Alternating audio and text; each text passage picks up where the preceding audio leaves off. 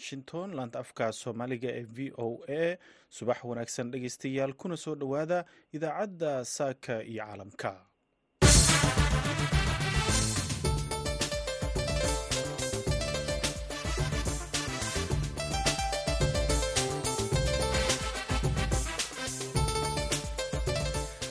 Waa subax khamiis ah shan iyo tobanka bisha februaayo sanadka laba kun iyo afar labaatanka. Idaacaddeenna saaka waxaa idinla socodsiinaya anigoo ah cabdulqaadir maxamed samaka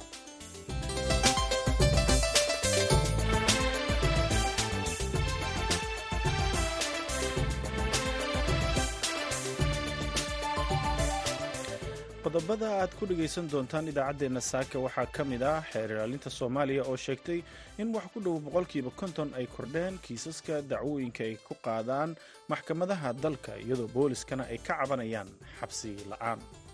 Inaan halkan ka sheego in dacwadaha soo gaaray xafiiska hareeraha guud ee qaranka inay kordheen boqolkiiba muwaadinkii garsooruu go'aan ka gaadho inay dhahaan ku celi xalay meeshu seex. Meel kaloo la geeye lama hayo taasna waxaa weeyaan waa baahida xabsi la'aan xabsigii oo buuxa. Waxaa kaloo dhegaysan doontaan taliska qaybta booliska gobolka bari oo sheegay in rag la sheegay ama inay howlgallo ay ka sameeyeen magaalada boosaaso ay ku soo qabteen. Rag ajnabi ay ku jiraan oo looga shakisan yahay inay ka tirsan yihiin kooxda daacish iyo al-shabaab waxaad sidoo kale dhegaysan doontaan maxkamado ku yaalla magaalooyinka gaarisa iyo wajeer oo xukunno ku riday rag lagu helay kubsi carruur aan qaangaarin xilli gobolka waqooyi bari ee kenya ay ku kordhayaan dembiyada ay ka midka yihiin kufsiga iyo qodobo kale ayaad sidoo kale dhegaysan doontaan balse intaasoo dhan waxaa ka horreeya warkii dunida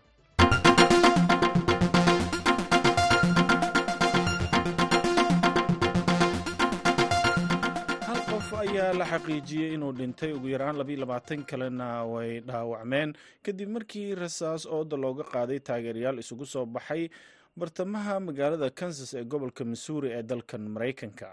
Dadka al rasaaseeya ayaa u badnaa taageerayaasha kooxda ciyaarta kubatuurka maraykanka oo arbacada maanta ah u dabaaldegayay aanraahda arbacadii u dabaaldegayay guusha ay kooxdooda kansas city chiefs ay ka gaareen toddobaadkan koobka n f l-ka ee kubatuurka maraykanka ciyaartiisii fiinaalka ee super bowlka.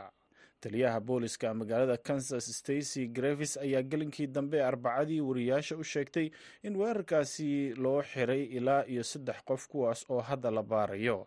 Grevis ayaa waxay sheegtay inaan weli la ogeyn sababta ka dambeysa weerarka rasaasta loo adeegsaday oo shalay gelinkii dambe ka dhacay magaalada kansas ee dalkan maraykanka labaiyo labaatanka qof ee dhaawaca ayaa la sheegay inay ku jiraan ay ku jiraan ugu yaraan shan iyo toban qof oo xaaladoodu ay liidato. Sidoo kalena siddeed carruur ah ayaa la xaqiijiyey inay ku dhaawacmeen toogashada ka dhacday kansas city kadib bilooyin hubanti la'aan ah ayay shacabka waddanka indoneesiya ay saakay ku soo tooseen madaxweyne cusub ka gadaal markii doorashadii arbacadii dhacday uu guul ka sheegtay taliyihii hore ciidanka gaarka ah ee barabowo sobianto inkastoo aanan si rasmi ah loogu dhawaaqin natiijada doorashada haddana warbaahinta indoneesiya iyo tan caalamiga ah ayaa wariyey in genaraal sobianto uu si weyn uga guulaystay doorashada labayo toddobaatan jirkan ayaa sidoo kale horey u soo noqday wasiirka gaashaandhigga indoneesiya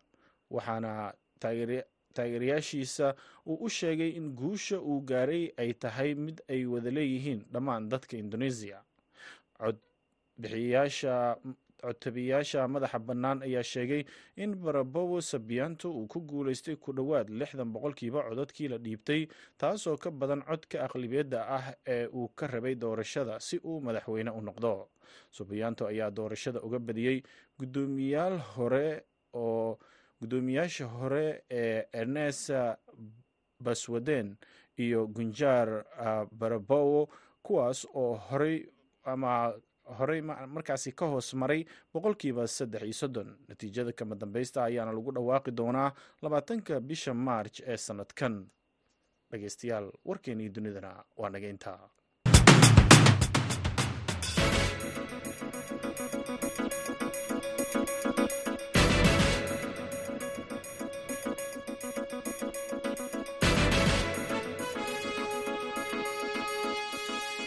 halkaad warkaasi ka dhagaysanayseen waa idaacadda v o a oo idinkaga imaaneysa washington.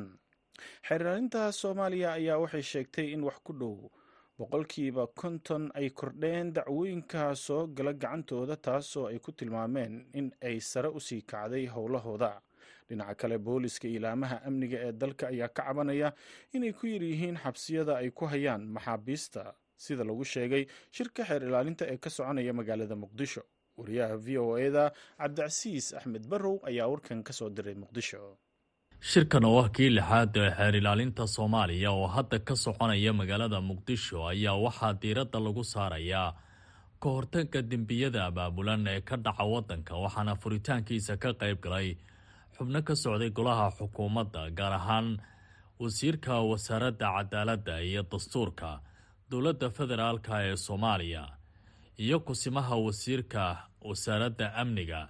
Saraakiil ka socotay laamaha amniga gaar ahaan booliiska iyo asluubta iyo xubno ka socday maxkamadaha iyo bahda sharciyaqaanada soomaaliya. Waxyaabaha inta uu shirkan socdo lagu lafaguri doono ayaa waxaa ka mid ah ka hortagga dembiyada socdaalka iyo kabeec mushtarka daroogada. Xeerilaalyaha guud ee soomaaliya suleymaan maxamed ayaa madasha shirka ka sheegay in dacwadaha sanadkan ay gacanta ku dhigeen ay sare u kaceen ku dhowaad boqolkiiba konton taasi oo micnaheedu uu ku qeexay in shaqo badan la qabtay. Xafiiska xeeraryaha guud ee qaranka sida warbixinada la qeybshay ka muuqata waxa weeye wuxuu handalgareeyey sannadkii la soo dhaafay kaysas aada u tiro badan. Waxaase ugu muhiimsan inaan halkan ka sheego in dacwadaha soo gaaray xafiiska xeeraryaha guud ee qaranka inay kordheen boqolkiiba ercent oo aad dareemi kartid korukacaas in ay ay u tahay saldhig u tahay eedaha baarista iyo booliiska soomaaliyeed reformka ku socda iyo hagaajinta lagu sameeyey. Dhinaca kale taliyaha booliiska soomaaliya sulub axmed firin oo shirka ka hadlay ayaa waxa uu sharaxaad ka bixiya dhibaatada booliisku ay ku qabaan. Maxaabiista badan oo ay soo qabtaan ka hor inta aysan u gudbin cadaaladda sababo la xiriira saldhigyada iyo goobaha ay ku hayaan oo aada ugu yar. Waxaan maraynaa saraakiisha baadhayaasha markay geeyaan muxuu ahay garsooraha hortiisa muwaadinkii ay geeyaan ee garsooruhu go'aan ka gaadho inay dhahaan maaragtay ku celi xalay meeshu seexday meel kaloo la geeya lama hayo. Taasna waxaa weeyaan waa baahida xabsi la'aan xabsigii oo buuxa. Ugu dambeyn wasiirka wasaaradda cadaaladda iyo dastuurka xukuumadda federaalka ee soomaaliya xasan macalin oo shirka ka hadlay ayaa waxa uu sheegay in shuruuc badan oo la xiriirta sidii wax looga qaban lahaa dembiyada ka dhaca gudaha dalka iyo dibadda ay ka shaqeeyeen.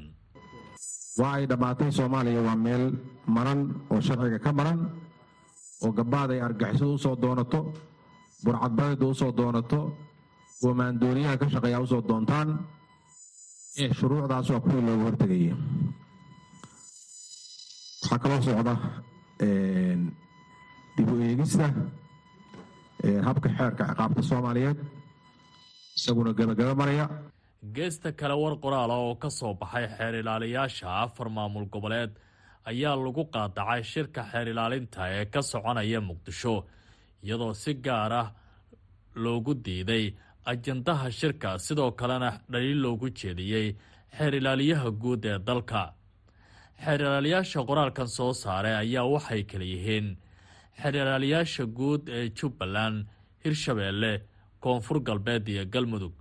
Sidoo kale xafiiska xeer ilaaliyaha guud ayaan weli ka jawaabin tabashada ay qabaan xubnahan. Cabdilcasiis barrow v o a muqdisho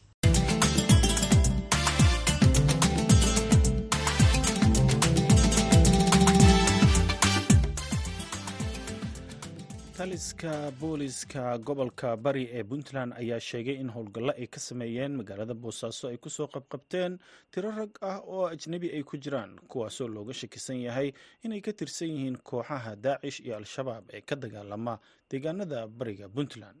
Waryaha v o eda ee magaalada boosaaso ayaa howlgallada iyo dadka lagu soo qabqabtay ka wareysatay taliyaha qayb waa faadumo yaasiin jaamac ayaa ka wareysatay taliyaha qeybta booliska ee gobolka bari ee puntland cornel cabdulqaadir jaamac dirir howlgalku wuxuu socday muddo laba asbuuc hadda ku dhow waana socon doonaa. Ciidamaduna waxay ku qabteen shaqooyin badan dad iyo iyo qalab iyo qaraxyo ay fashiliyeen iyo dad ay qabteen kulliba waa leeyihiin dadka ay qabteen maxay ahaayeen?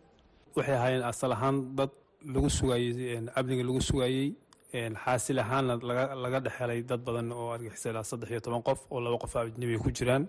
Nin la yidhaahdo maxamed maxamed ibnu maxamed axmed oo u dhashay suuriya. Iyo nin marokiyaan ah oo la yidhahdo xasan maxamed xuseen. Labadaas niman ajnabiga weeye inta kaleeto oo daacish bay ka tirsan yihiin inta kaleeto al-shabaab bay ka tirsan yihiin qiraal weeye.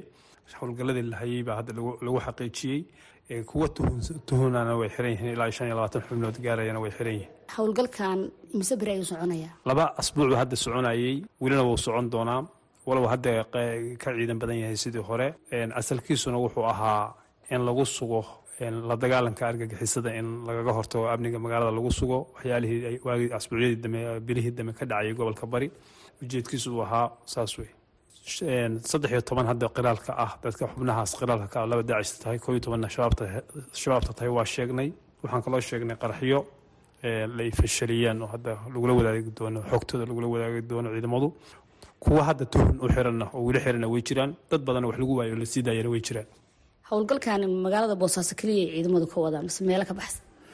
Howlgalkan waxaa laga wadaa magaalada booso gudaheeda iyo kaantaroolada iyo degmooyinka sida xasaasiga iyo meelaha buuraha u dhow ku yaalla waxaa jira in la qabtay dad tahriibayaal ah.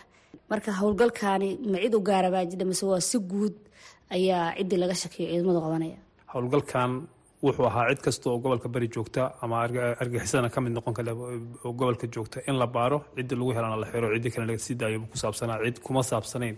Wax siyaasad ka baxsan ama etoobiyaan ama tahriibayaal ama ujeed kale ku saabsan midna kuma jirin. Siyaasadda laga leeyahay wuxuu ahaa xaqiijinta amniga iyo la dagaalanka argagixisada intaasuu isagu ku saabsanaa halkaasuuna ku beeskaraysan yahay. Wixii looga shakeeyey ama lagu helayna waa xiran yihiin. Wixii lagu waayana waa la sii daayay taliya waxaa jira in dadkan ka yimid dhinaca etoobiya tan iyo intii ay bilaabatay arrintii badda soomaaliya ay kala kulmaan faquuq dadka ku sugan magaalada boosaaso qaar ka mid a. Arrimaha noocaasa ma dareensan tihiin boqolkii sagaashan iyo sagaal gobolka bari hadda waxyaalaha looga faa'iidaystay oo dhinaca loo dhigay waa la dagaalanka argagixisada. Wax ka bedelan oo ciidamada ammaanku ay ka shaqeeyeen oo siyaasad ku saabsani ma jiraan haddana waa caddaynaynaa la dagaalanka argagixisada bay ahayd. Waxaanu la dagaalamaynay weyna jiraan dad badan oo etoobiya u dhashay oo argagixiso ku ah buuraha dad badan oo muhaajiriin ku marahay gobolka barina soo puntlandna way jiraan. Laakiin annaga asalkayagu la dagaalankayagu wuxuu ahaa inaan argagixisada la dagaalano. Nimankaasi dad badan oo ka tirsan etoobiya u dhashay oo argagixiso ku ah buuraha oo ay khasab tahay annagu inaan la dagaalanaa jirta.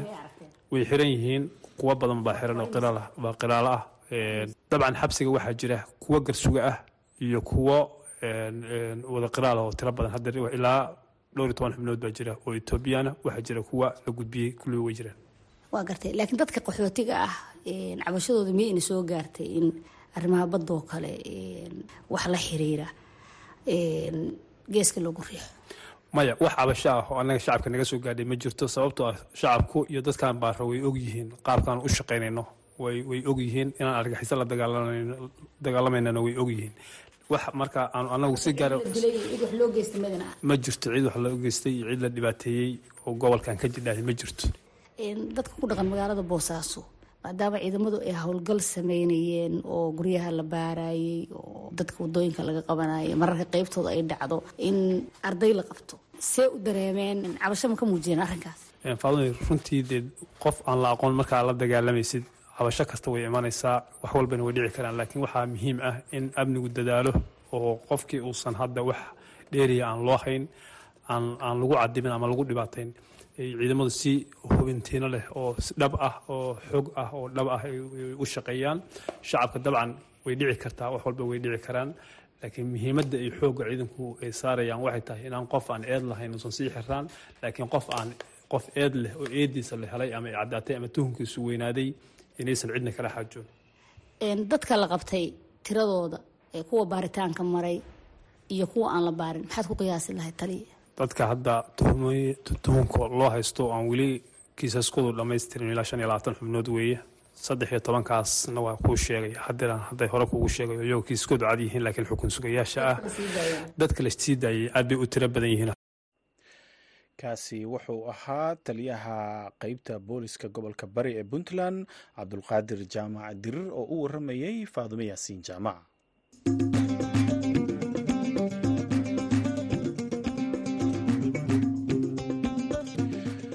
waxaa sare u kacaya tirada kiisaska la xiriira faldambiyeedyada kufsiga ee loo geysanayo carruurta aan qaangaarka ahayn ee gobolka waqooyi bari ee dalka kenya iyadoo maxkamadaha gaarisa iyo wajeer ay xukunno kala duwan ku rideen laba nin oo kufsi ku eedeysnaa kiiskii u dambeeyey ayaa ka dhacay magaalada habhasweyne ee maamulka wajeer taasoo saddex nin ay wadajir kufsi ugu geysteen hal dumar ah laamaha ammaanka iyo ururada xuquuqul insaanka u dhaqdhaqaaqa ayaana arrinkan walaac ka muujinaya sida uu warbixintan ku soo diray maxamed faarax shire.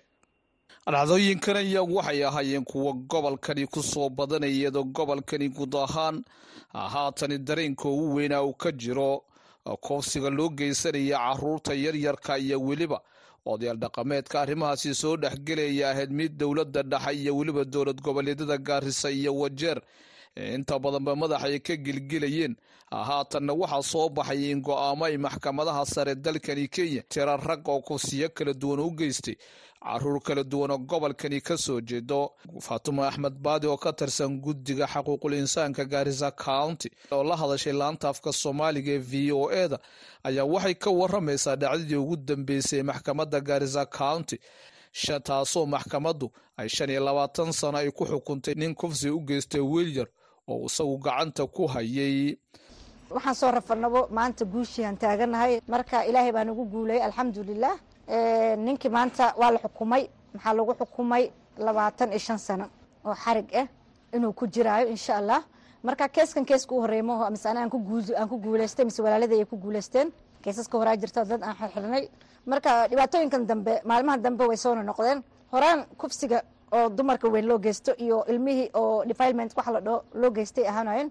Barbaryahan dambe maxaa soo baxay waxa la dhaho sodomi baryahan wiilashii baa la xoogaya faatuma baadi waxay aaminsan tahay in ragga oo keliya aysan ahayn kuwa haatani kufsiga geysanaya. Haween sidoo kale iyaguna ragga laaclaaco taasoo keentay in iyaguna ay noqdaan kuwa lamida kuwa kufsiga geysanaya. Waxayna sheegtay in dowladda iyo weliba hay'adaha xaquuqul insaanka ay isha ku hayaan nimanka banaanka joogo ragga banaanka joogo waxaan u sheegaynaa nin alla ninka aan ku aragno mise aan ku maqalno gabar buu xooga iyo gabar buu farxumeeye iyo wiil buu farxumeeye tallaabo sharcile inaan kaa qaadano. Beryahan ragga kalix maa wax wax xoogo. Hooyooyinkii waata hadda la sheegayo inay wiilashii yaraa oo ayaka ay dhali kareen inay beryahan guryaha ku xariirsanayeen idinkana waa nii soo soconnaa faatuma yuusuf oo iyaduna dhankeeda u dhaqdhaqaaqa xaquuqul insaanka ayaa iyaduna bishani waxay ku guulaysatay in xukun lixdan sano lagu riday nin kufsi u geystay wiil yar oo isaguna uu gacanta ku hayay waxayna sheegtay in maxkamadaasi haatan ay soo dhoweynayso wallaahi keeskaa mudduu socday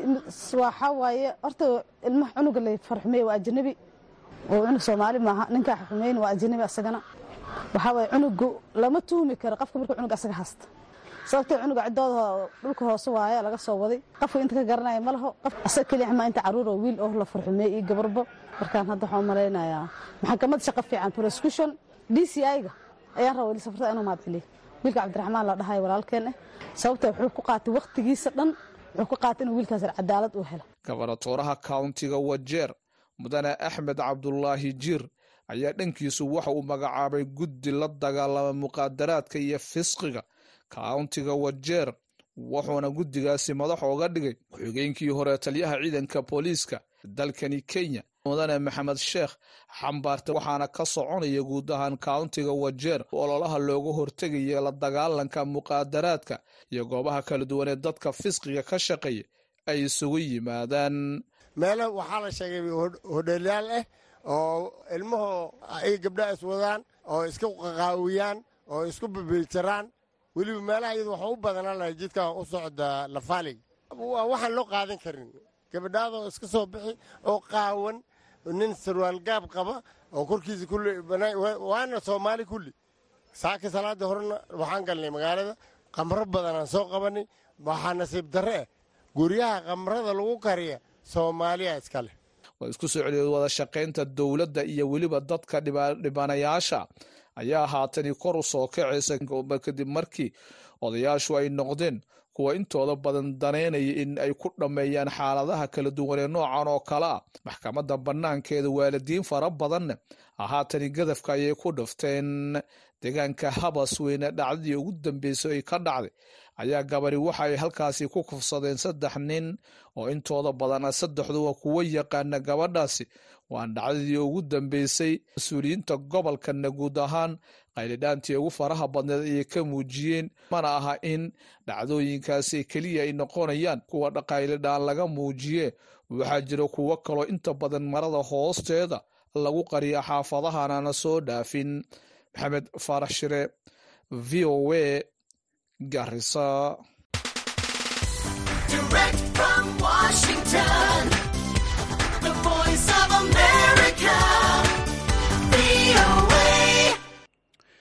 cumar siciid diiriye oo ah wariye soomaali ah oo aragga naafo ka ah lana shaqeeya warbaahinno caalami ah ayaa v o a uga waramay waayihiisa xirfadeed ee saxaafadda iyo sida uu u qabto shaqadiisa marka ay noqoto diyaarinta wararka taftirkooda iyo samaynta muuqaalada. Wuxuu u waramay wariyaha v o eda yaasiin ciise wardheere oo magaalada nairobi kula kulmay. Shaqo kastaa la qabanayo waxay leedahay caqabadii leedahay challengesii leedahay dhibaatooyinay leedahay haddana shaqada warbaahinta waxaad ka warhaysaa inay tahay shaqooyinka ugu adag qof ka shaqeeya. Because waxaa laga rabaa mas'uuliyad dheeraad ah wax halkaas ka baxaaya xaqiiqadooda ishi dheelitirkooda iyo dhexdhexaadniyadaa lagaa rabaa. Marka waa mas'uuliyad aada u adag waa mas'uuliyad shaqooyinka kale xaqiiqdii ka dhib badan ka eed badan kana culays badan. Marka waa ilahay waa ii fududeeyey weliba anaa baahya gaara qaba ilahay waa ii fududeeyey. Ilahayna waa igu ceeb astur inta hayadooda aan la soo shaqaynayaba cumar siciidow combyuutarkii baad ku shaqaynaysaa oo codkii baad dhegaysanaysaa oo waad edhid garaynaysaa oo muuqaaladii iyo waxaad isku daraysaa codadkii. Arrimahaasi miyaanad maadaama aan indhahaaga adan wax uga arag miyaanay culays kugu ahayn?